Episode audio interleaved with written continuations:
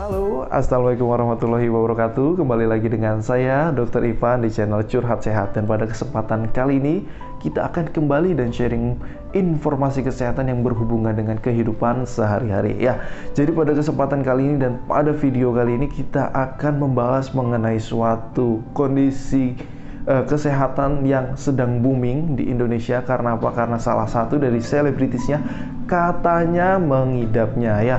Apa itu? Itu adalah kondisi autoimun.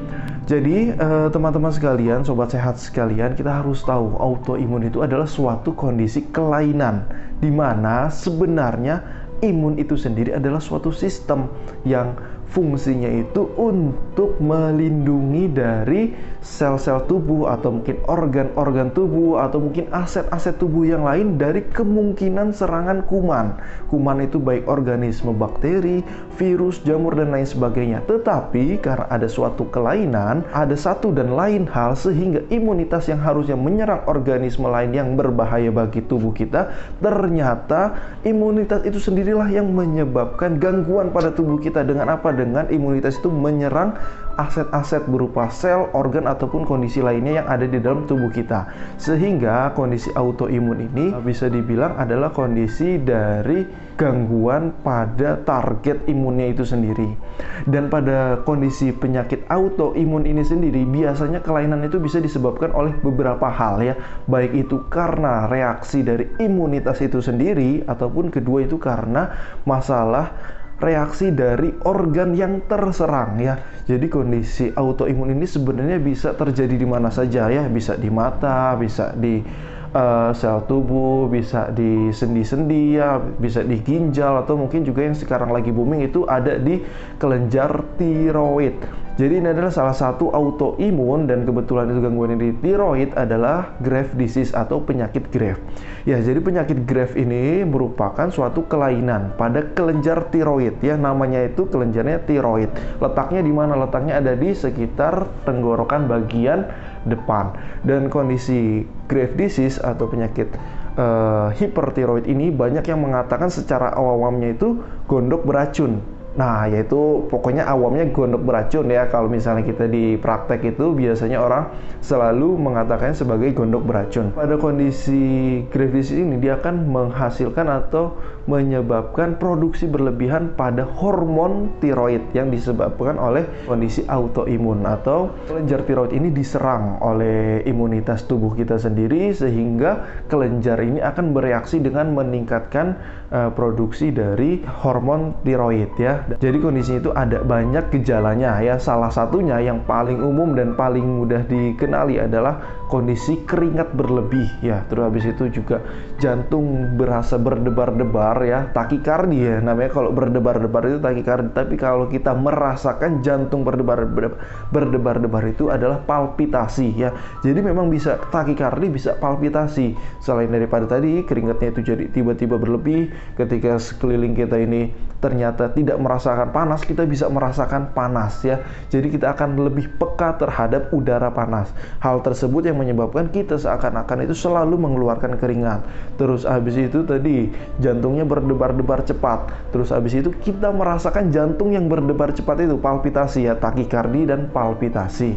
Dan kondisi lain apabila kondisinya sudah berlanjut, maka ada beberapa hal juga yang perlu harus diperhatikan. Di antaranya adalah adanya timbul benjolan pada kelenjar tiroid itu sendiri. Terus habis itu kita juga bisa merasakan tremor. Tremor itu artinya getar ya. Kita nggak lagi lapar, kita nggak lagi ketakutan, nggak apa, tapi tiba-tiba tangan itu getar. Kalau kita melakukan uh, mencoba untuk meluruskan tangan, biasanya dia tidak akan bisa diam.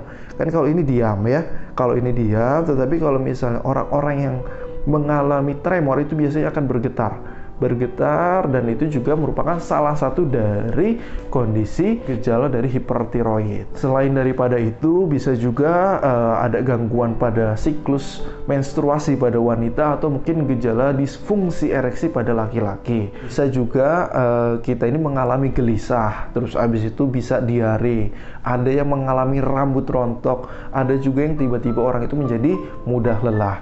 Dan juga yang cukup khas ya, cukup khas ini yang terakhir ini adalah kondisi di mana orang itu mengalami penurunan berat badan walaupun tidak sedang diet, makannya banyak, tetapi kondisi ini terjadi penurunan berat badan. Karena apa? Karena memang hormon tiroid ini merupakan hormon yang bekerja untuk memetabolisme. Ketika produksi hormonnya berlebihan, maka metabolisme itu berlebihan. Ibarat mobil itu jadi boros ya, jadi makannya masuk tetapi energinya keluar semua. Jadi hormon tiroid itu memaksa tubuh untuk membakar semua makanan yang sudah ada. Jadi kita tiba-tiba bisa menjadi lebih kurus, mudah berkeringat. Dan itu adalah gejala yang perlu diwaspadai untuk mencurigai kemungkinan dari hipertiroid.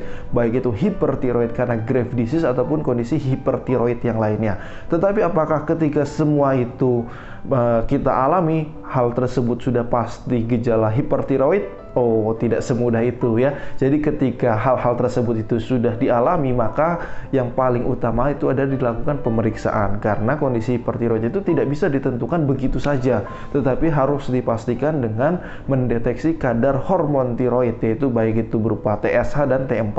Sebenarnya ada juga pemeriksaan T3-nya tetapi itu jarang diperiksa. Ya, jadi kalau misalnya memang Anda curiga atau mungkin Anda khawatir akan gejala seperti yang sudah disampaikan, maka lakukan melakukan konsultasi secara langsung. Dan mungkin kalau misalnya benar kondisi itu khas kepada kondisi hipertiroid, maka biasanya dokter akan menyarankan untuk melakukan pemeriksaan kadar hormon tiroid. Dan di mana Anda bisa melakukannya? Umumnya itu di rumah sakit besar atau di laboratorium-laboratorium swasta yang cukup besar ya. Dan itulah beberapa informasi yang bisa kita sampaikan mengenai autoimun dan Graves disease serta hipertiroidnya apabila ada yang ingin ditanyakan atau mungkin ada perbedaan informasi yang Anda miliki, maka silakan didiskusikan di kolom komentar. Dan apabila postingan ini bermanfaat, jangan lupa untuk like, share, and comment. Mungkin itu yang bisa saya sampaikan. Kurang lebihnya saya mohon maaf. Wassalamualaikum warahmatullahi wabarakatuh.